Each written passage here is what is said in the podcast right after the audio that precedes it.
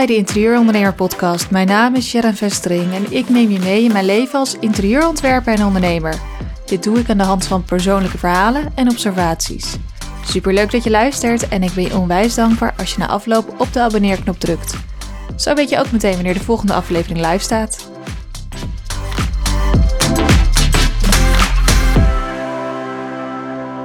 Hey, hey, daar ben ik weer. Superleuk dat je luistert. Uh, aflevering 3 alweer. Ja, nou, je hebt al twee afleveringen van me geluisterd. Dat vind ik echt super cool. Uh, en wat ga je deze aflevering van mij kunnen verwachten? Ik ga even kort vertellen hoe het met me gaat. Uh, waar sta ik nu? En vervolgens, ja, het onderwerp van deze aflevering gaat over klanten. En nou ja, hoe bepalen die nou hun stijl? En vinden ze dat lastig, ja of nee? En wat zijn nou de typische valkuilen? En hoe zorg jij ervoor dat jij niet in diezelfde valkuilen trapt? Dus dat is waar we het uh, eigenlijk vandaag over gaan hebben. Uh, maar om te beginnen, hoe gaat het nou met mij? Eerlijk, uh, ik ben deze twee weken, dit is nu, deze aflevering neem ik twee weken op nadat ik de eerste twee afleveringen heb opgenomen.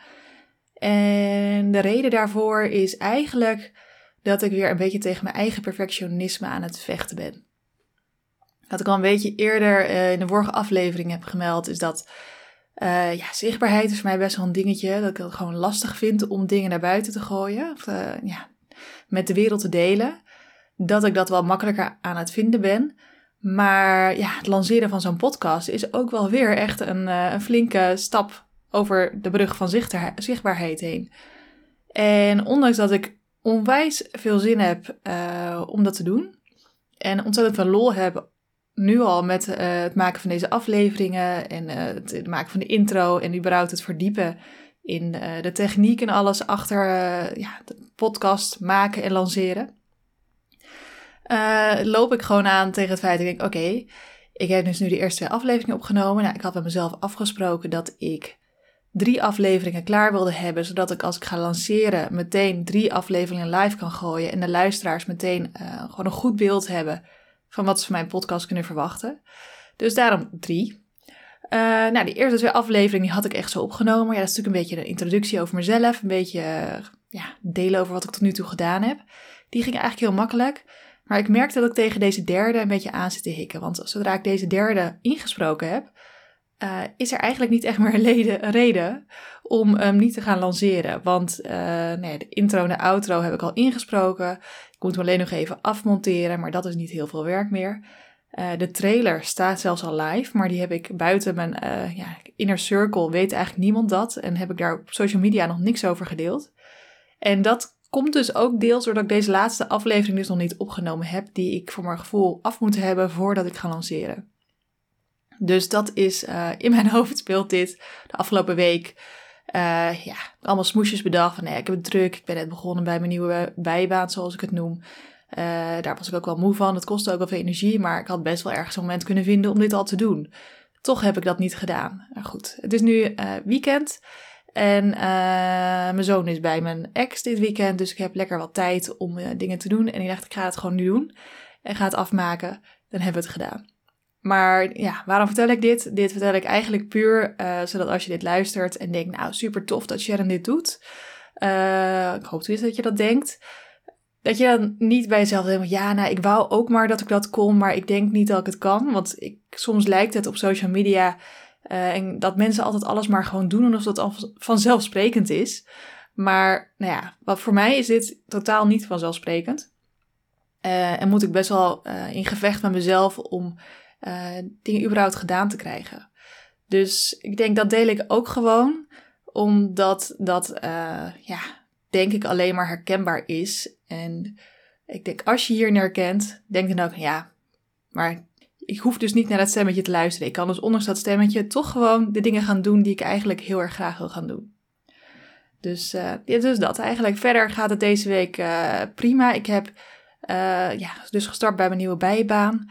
Uh, die ik nodig heb om um, ja, eigenlijk gewoon letterlijk mijn hypotheek te kunnen betalen. Uh, ik ben startende. Ik heb nog niet uh, genoeg klanten om daar volledig van rond te kunnen komen. Dus ik heb gewoon weer wat werk erbij gezocht in het vak wat ik hiervoor gedaan heb in de IT. Ga ik verder niet enorm over uitweiden, maar ik vind dat ook het noemenswaard, noem het waard, omdat ja, ik ben een startende ondernemer en de klanten die weten me nog niet allemaal te vinden. Dus heb ik een bijbaantje genomen.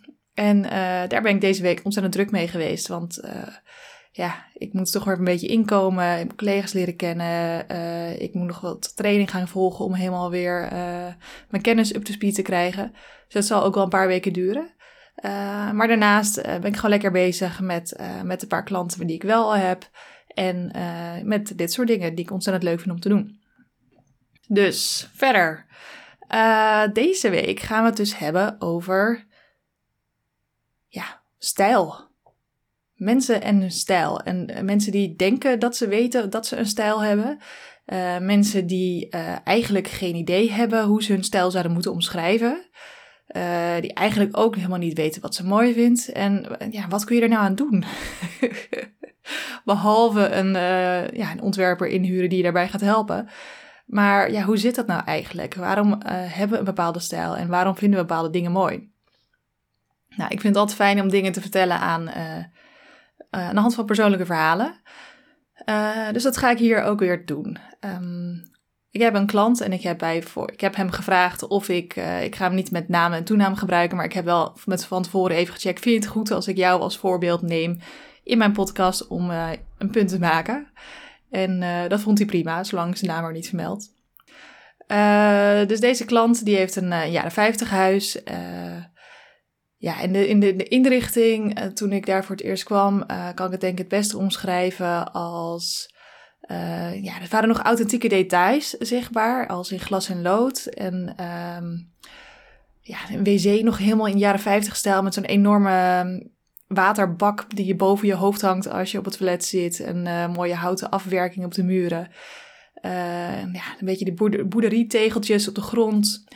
Uh, de, de jaren 50 gevoel was daar nog wel duidelijk merkbaar. Ook een hele mooie ensuite deuren tussen de keuken en de woonkamer in. met glas en lood erin. En verder de stijl van inrichting, uh, een beetje een mixje tussen landelijk, um, industrieel en dus een klein vleugje vintage gevoel, maar dat komt dus meer uit het huis zelf dan uit de meubels. Um, nou ja, ik kom bij die klant en uh, hij vertelt heel enthousiast over dat hij dat huis gekocht had. En dat hij eigenlijk zich meteen uh, toen bij het kijken al zich heel erg thuis voelde daar. Um, ja, en waar dat dan in zat, dat kon hij niet helemaal duiden. En dat weet je vaak ook niet. Het is gewoon een gevoel. Je komt ergens binnen en denk je, ja, dit huis voelt goed. Nou, het grappige was, hij had nog de verkoopbrochure liggen en uh, die liet hij zien. En ik blader door die verkoopbrochure en ik was eventjes in de war. Ik denk, hè? Kijk ik nou naar foto's van jouw inrichting? Of, oh nee, nee, wacht even. Ik keek nog een keer en toen zag ik dat eigenlijk de inrichting van de vorige bewoners uh, dat de nieuwe bewoner die eigenlijk een beetje gekopieerd heeft. En daar was hij zichzelf dus helemaal niet bewust van. Dus ik wees hem daarop en hij zegt: Oh ja, ja. Ik heb eigenlijk een beetje dezelfde eetkamertafel gekocht als dat zij hadden. Uh, de salontafels zijn beide identiek. Uh, de kasten die, er, die er gekocht zijn, hebben dezelfde stijl. Het was een beetje copy-paste en het, hij was zich daar dus helemaal niet bewust van dat hij dat gedaan had. Ja, dat vind ik dan echt wel hilarisch. Um, want zo werkt ons brein dus ook. We zijn ons vaak niet bewust waar, waardoor we ons aangetrokken voelen tot bepaalde inrichting, bepaalde meubels, bepaalde kleuren. En dat komt vaak gewoon dus doordat je dat ergens anders gezien hebt. Dat is eigenlijk hoe dat altijd werkt. En bij sommige mensen is dat dus gewoon echt super letterlijk. En onderbewust. Want hij was zich dus niet bewust dat hij eigenlijk de vorige bewoners gewoon gecopy-paste had.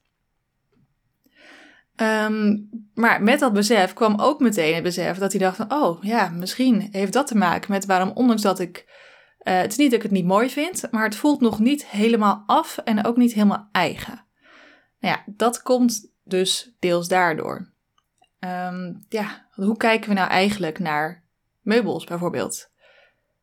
80% van wat wij uh, zien als we naar een meubelstok kijken is kleur.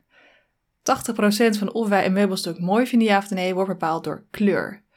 Uh, dus daarom vind je ook vaak in uh, meubelboulevards ze zetten soms wel de, de aparte kleuren in de winkel. Ja, gewoon om je toch een beetje te inspireren en te prikkelen. En dat niet alles hetzelfde lijkt. Maar toch is 80% zit in de range van ehm, ja, wit tussen wit en zwart. Dus met wit, grijs, zwart en bruin tinten. Dat zijn de, de veilige kleuren waar de meeste mensen zich gewoon prettig bij voelen. Uh, dat zijn ook natuurlijk de kleuren die uh, heel goed combineren zijn met, met wat dan ook. Dus ook niet heel raar dat dat de meest verkochte kleuren zijn in banken.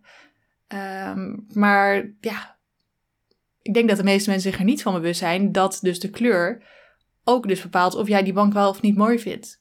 Dus ook al is de vorm van een bank echt fantastisch, de meeste mensen kunnen er niet doorheen kijken als die bank dan een kleur heeft uh, die ze niet aanspreken. Ook al is die, is die bank gewoon in andere materialen of kleuren te bestellen. De meeste mensen zullen daar niet doorheen kunnen kijken, omdat ons brein daar gewoon uh, niet op ingericht is.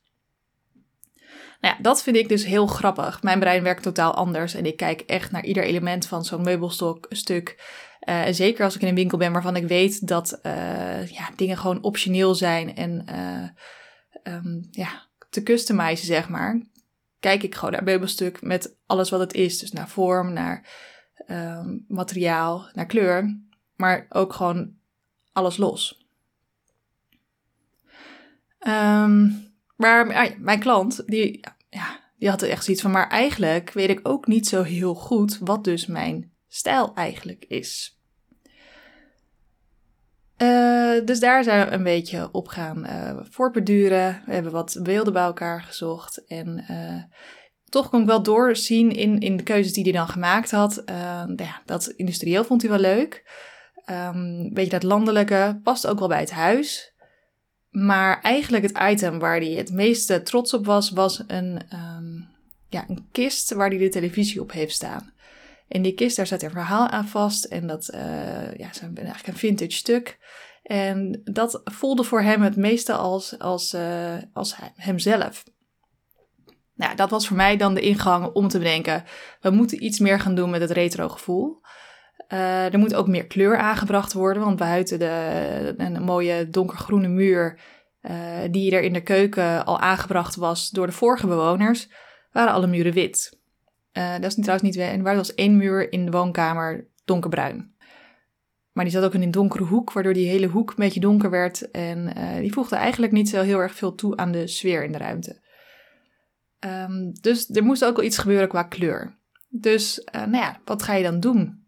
Dan ga je dus op zoek naar elementen in de ruimte die ja, je kan gaan gebruiken als uitgangspunt. Want even een kleine achtergrondje informatie over deze klant. Uh, hij vroeg mij niet voor een totaalverbouwing. Hij zei alleen van, het klopt gewoon nog niet helemaal. Ik ben blij met, uh, op zich met de grote elementen ben ik blij. Dus met de bank, met de eetkamertafel, met de, de stoelen en ook de kasten die er stonden was hij blij mee. Maar zegt, het voelt gewoon nog niet af. Er mist hier iets. Wat moet ik doen? Dus ik heb hem uh, kleuradvies gegeven en advies voor een paar meubels. Dit is eigenlijk um, ja, mijn instapaanbod wat ik aanbied. Dus gewoon een klein uh, interieurplannetje. Um, die uiteindelijk dus echt een heel groot effect kan hebben. Uh, wat heb ik hem geadviseerd? Nou, ga door een beetje op die retro-stijl. Hoe gaan we die grote woonkamer die hij heeft, uh, met een soort van L-vorm, waarin de, ja, niet heel veel in gebeurde, behalve dat er dus een televisie stond, uh, een fantastisch mooie zwarte gashaard. Uh, die ook nog werkt. Dus die een functie heeft. Uh, en, een, en die mooie kist waar zijn televisie op stond. Dus ik neem we gaan door dat retro gevoel. we voegen een lambrisering toe. In de kleur groen. Een kleur groen die past bij de kleur in de keuken. Maar toch een totaal andere kleur groen is. hij wil het ook persoonlijker maken. Hij heeft twee kinderen. En die had zoiets van, ik wil die een speciaal plekje geven. Hij, eh, dus daar hebben we ook iets moois voor gevonden. Hij was geïnspireerd geraakt door de, een lijntekening die ik heb laten maken van mij en mijn zoon, uh, die ik uh, in mijn toilet heb hangen. Heb ik ook al een keer op social media gedeeld. Die vond hij echt onwijs cool. Ik zei, nee, die kunstenaar die kun je gewoon ja, ook een, een lijntekening laten maken van jouw kinderen. En ik denk, wat, hoe cool zou het zijn als we die gewoon echt levensgroot op die muur die nu helemaal bruin is uh, daarop zetten alsof ze zo uit die muur komen lopen. Maak een mooie kader omheen. Je net iets andere tint dan de rest van de muur. En dan is net alsof ze zo naar je toe komen wandelen. Nou, dat vond hij wel een heel spannend idee, maar ook wel cool. Die lamorisering had hij ook zoiets bij van, hoe, lamorisering in het groen? Of gaan we dat echt doen? Ik vind het spannend, maar goed, het is maar verf. Dus worst case, uh, ja, moet er weer iets anders overheen. Dus hij heeft het wel uitgevoerd. En toen tot de conclusie gekomen dat dat echt onwijs gaaf werkt. Dat een vrij uh, grote woonkamer uh, nu omarmd wordt door die groene lambisering. Die hebben we niet te hoog gemaakt, uh, waardoor de kamer niet kleiner wordt. Want dat is vaak het gevaar met een lambrisering. hoe hoger je hem maakt, hoe lager de kamer lijkt. ik zou een lambrisering ook nooit adviseren in een hele kleine kamer, want hij wordt er optisch iets kleiner van doordat je de muur eigenlijk opdeelt. Maar als je hem niet te hoog maakt en uh, het contrast niet te groot maakt, dus niet werkt met hele donkere kleuren, um, ja, geeft het ook gewoon een heel prettig en behagelijk gevoel. En maakt het een kamer wat knusser. Dus we hebben hier de lamorisering volgens mij op 1 meter hoogte gedaan. Het is niet een, hij heeft niet een absurd hoge kamer, dus dat is dan gewoon een fijne, ja, een fijne verhouding. Uh, ja, puntje bij paaltje heeft hij dat dus uitgevoerd. Uh, ik heb hem nog advies gegeven over een uh, fauteuil, een nieuwe salontafel. Want ja, die twee salontafels die echt identiek waren aan die van de vorige eigenaren. Vond hij ineens toch niet zo leuk meer. Eh, ja, daar moet eigenlijk wel iets anders voor komen. Want anders blijft het gewoon een beetje te veel lijken op het huis van de vorige eigenaren. Um, een paar nieuwe planten, want hij houdt ontzettend van groen. Maar had niet heel veel groen staan in zijn woonkamer. Uh, en wat kleine accessoires uh, aan de muur, wat schilderijtjes die uh, uit de kringloop komen.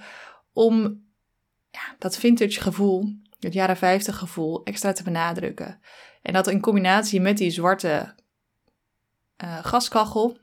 Nee, het is niet een gaskachel trouwens, want er moet gewoon hout op, houtkachel. Ja, was het plaatje ineens af. Dus uh, hij heeft dit gewoon zelf uitgevoerd. En uh, hij belt me op op een gegeven moment en zegt: Sharon, het is klaar. Ik ga je foto sturen. En hij klonk echt als een blij ei. Het was echt, dat, dat, is, dat vind ik zo super leuk aan mijn werk, is dat mensen dan uh, gewoon opeens super blij zijn met hun interieur. En ik denk, ja, het zijn kleine dingetjes, maar die maken zo'n groot verschil. En dat begint bij weten wat je stijl is. En daar uh, aan vasthouden en op doorbeduren. Nou, goed. Dat was uh, een leuk succesverhaaltje eh, van een klant van mij. Maar nog de vraag, hoe kom jij nou erachter wat jouw stijl is? Hoe trap jij niet in die, in die valkuil dat je gewoon maar doet wat je buurman doet of wat de vorige eigenaren van het huis doen? Hoe zorg je er nou voor dat het eigen wordt? Dat het ja, voelt als jouw huis? Um, nou, er zijn een paar dingen die je kan doen. Dat is eigenlijk ook uh, hoe ik gewoon werk met mijn klanten. En de basis is starten met het verzamelen van heel veel beeldmateriaal. Uh, dus koop woonbladen of ga op Pinterest of kijk op Instagram. Er zitten ook heel veel accounts van mensen die hun interieur delen. en ga gewoon beelden opslaan. Maak een Pinterest-board. Uh, alle beelden opslaan waar je bij een fijn gevoel bij krijgt. En dat kan van alles zijn. Het hoeven niet eens alleen maar interieurbeelden te zijn. Uh, het kan uh, een, ja, beelden van de natuur zijn, of van een zonsondergang, of van een berg hout, paarden, of ja, wat ook maar waar je blij van wordt. Kan ook iets heel abstract zijn, of een schilderij, of kunst, of iets dergelijks. verzamel alles. En als je dan alles verzameld hebt, Ga neem je dus een beetje afstand en ga dan op zoek naar overeenkomsten. Dus ja, kom je erachter dat jij gewoon echt onwijs veel van uh, licht en rust houdt en uh, minimalisme. Of misschien kom je erachter dat je echt alles wat met de natuur en uh, stoere, ruwe materialen, um, groene, bruine, natuurtinten, dat soort dingen houdt. Of misschien kom je erachter dat je onwijs veel van design houdt en uh, uh, Scandinavisch interieur. Of vintage. Of misschien is het wel, uh, ja, wil je eigenlijk gewoon dat de kunst die je bezit enorm goed tot z'n recht gaat komen. Dus moet je misschien van je interieur meer een soort gallery gevoel gaan maken. daar kom je achter als je een beetje afstand neemt en gaat kijken. En dan ook naar de, de kleuren kun je dus vaak wel um, ja, een patroon in vinden. Dus een bepaalde groep van kleuren die jij dus heel erg mooi vindt.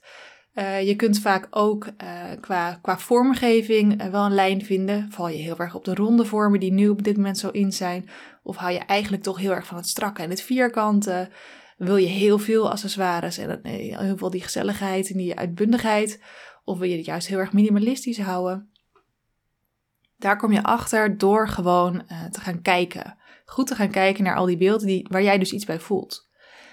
En uh, nou ja, als je dat gedaan hebt, filter dan. Uh, ja, het zijn altijd, als je gaat zoeken, zijn er misschien wel 50 beelden die je misschien mooi vindt, maar ga er dan even in filteren en pak er misschien 10 uit waarvan je denkt, ja, deze zijn echt representatief voor de stijl die ik zou willen terugzien in deze ruimte. En ga er dan ook woorden aan plakken. Want op het moment dat je er woorden aan gaat plakken, wordt het ook een stuk concreter, vind ik zelf altijd. Want ja, een plaatje zegt wat, maar welk woord je daarbij associeert, uh, dat gaat je houvast geven op het moment dat je naar een winkel gaat. En zo bouw ik eigenlijk ook altijd de moodboards op die ik uh, voor mijn klanten maak. Ik kijk naar de beelden die zij mij geven en ga daar uh, uit filteren. Ik ga daar soms misschien nog een laagje op dieper door. Dat ik denk, nou, ik zie dit, maar ik, dat kan nog iets, iets uh, uitgesprokener. Of volgens mij bedoel je dit, maar dit komt misschien nog niet in je op. En uh, dat pak ik bij elkaar en daar plak ik woorden aan. En uh, pak, ik, ja, maar pak ik ook een kleurpalet pak ik daaruit. En dat maakt gewoon het stijl moodboard wat ik aan mijn klant presenteer. En ja, dit, dit als je geoefend bent, ja, is dit wat makkelijker natuurlijk dan dat je dat niet vaak doet. Maar ik geloof wel dat iedereen dit kan. Als je maar echt bereid bent daar even de tijd voor te nemen en goed te gaan kijken naar nou ja, wat je nou mooi vindt. En uh, ja, hoe vaak ik niet gehoord heb van ja, ik weet eigenlijk niet wat ik mooi vind. Uh, en dat zie je dan ook vaak terug in het huidige interieur van zo'n klant. Zeg, ja, het is inderdaad gewoon maar dingetjes die ik gekregen heb of die toevallig even praktisch waren. Um, goedkoop. Ja, hij past toch. Of gewoon maar gewoon gekozen voor wit, want wit is toch veilig. Um, zonder dat er eigenlijk een gedachte achter zit. Maar als je begint met zo'n moodboard maken, dan zul je merken dat alle keuzes die je erna moet maken, kun je daaraan ophangen. En dan kun je, op het moment dat je in een winkel staat en een bank moet uitzoeken, denk je, ja, ik vind deze bank mooi. Past die ook binnen dat moodboard met uh, de stijl die ik echt mooi vind? Zo niet, gewoon niet doen. Je moet trouw blijven dan ook echt aan de stijl waar je voor gekozen hebt. En dat gaat er dan voor zorgen dat je uiteindelijk een interieur hebt dat uh, voelt als een eenheid en voelt alsof het in balans is. Dus ja, dat, dat is denk ik de, de grootste tip die je kan geven. Mocht je er zelf mee aan de slag gaan, mocht je denken dit uh, klinkt als veel te veel werk en iets wat ik totaal niet kan, schakel professionele hulp in van mij of een andere professional. Uh, en mocht je ja, geïnteresseerd zijn in uh, de, de mini-makeover die ik gedaan heb voor mijn klant, uh, met het jaren 50 huis. Ik zal op Instagram, uh, ook met toestemming van de klant, wat foto's van voor en na delen. Zodat je ook kan zien wat voor impact uh, kleine, kleine updates kunnen hebben. Je, je hoeft niet altijd een enorme bak geld uit te geven om ja, je huis te laten transformeren. Als je gewoon blij bent met de basis van de meubels die er zijn, maar denkt, is nog niet helemaal af, help, Weet je, dat, dat, ja, daar, daar heb je gewoon professionals voor als je er zelf niet uitkomt. Dus uh, ik nodig je uit om naar mijn Instagram te gaan. Als je het nog niet kent, uh, kun je me op vinden. En daar ga ik uh, in een post hier wat ja, beeldmateriaal van delen. ik vind het ook echt super leuk. Weet je, dit is aflevering 3. Ik moet er echt een beetje nog inkomen. Ik vind het nog steeds super spannend om te doen. En ik ben ook heel erg benieuwd of ik uh, überhaupt reacties hierop ga krijgen. En wie naar mij gaat luisteren. Uh, maar mocht je het leuk vinden, laat me dan weten wat je ervan vindt. En um, nou ja, in ieder geval heel erg bedankt voor het luisteren weer. En tot volgende week. Dankjewel dat je tot het einde gebleven bent. Super leuk dat je me gevonden hebt. Ik vind het onwijs tof om in contact te komen met mijn luisteraars en te horen wat je van mijn podcast vindt. Ook sta ik open voor suggesties voor podcastonderwerpen. Je mag me altijd mailen naar info.sharonvestering.com en je kunt me vinden op Instagram als sharon.vestering.interiors. waar je me kunt volgen voor visuele toevoegingen bij mijn podcast. Daarnaast zou je me ontzettend helpen als je je abonneert op de podcast, zodat je ook zeker weet dat je geen aflevering zult missen. En het helpt mij stijgen in de ranking, waardoor de kans groter wordt dat anderen mij ook zullen vinden. Mocht je niet willen abonneren, laat dan even een review achter. Dit kan op verschillende manieren, afhankelijk van welke app je gebruikt om naar me te luisteren. En ook dit helpt mij om mijn bereik te vergroten. Dus mocht je deze podcast leuk vinden, uit die waardering dan. Mijn dank is groot. En tot slot wens ik je een hele fijne dag en tot de volgende keer.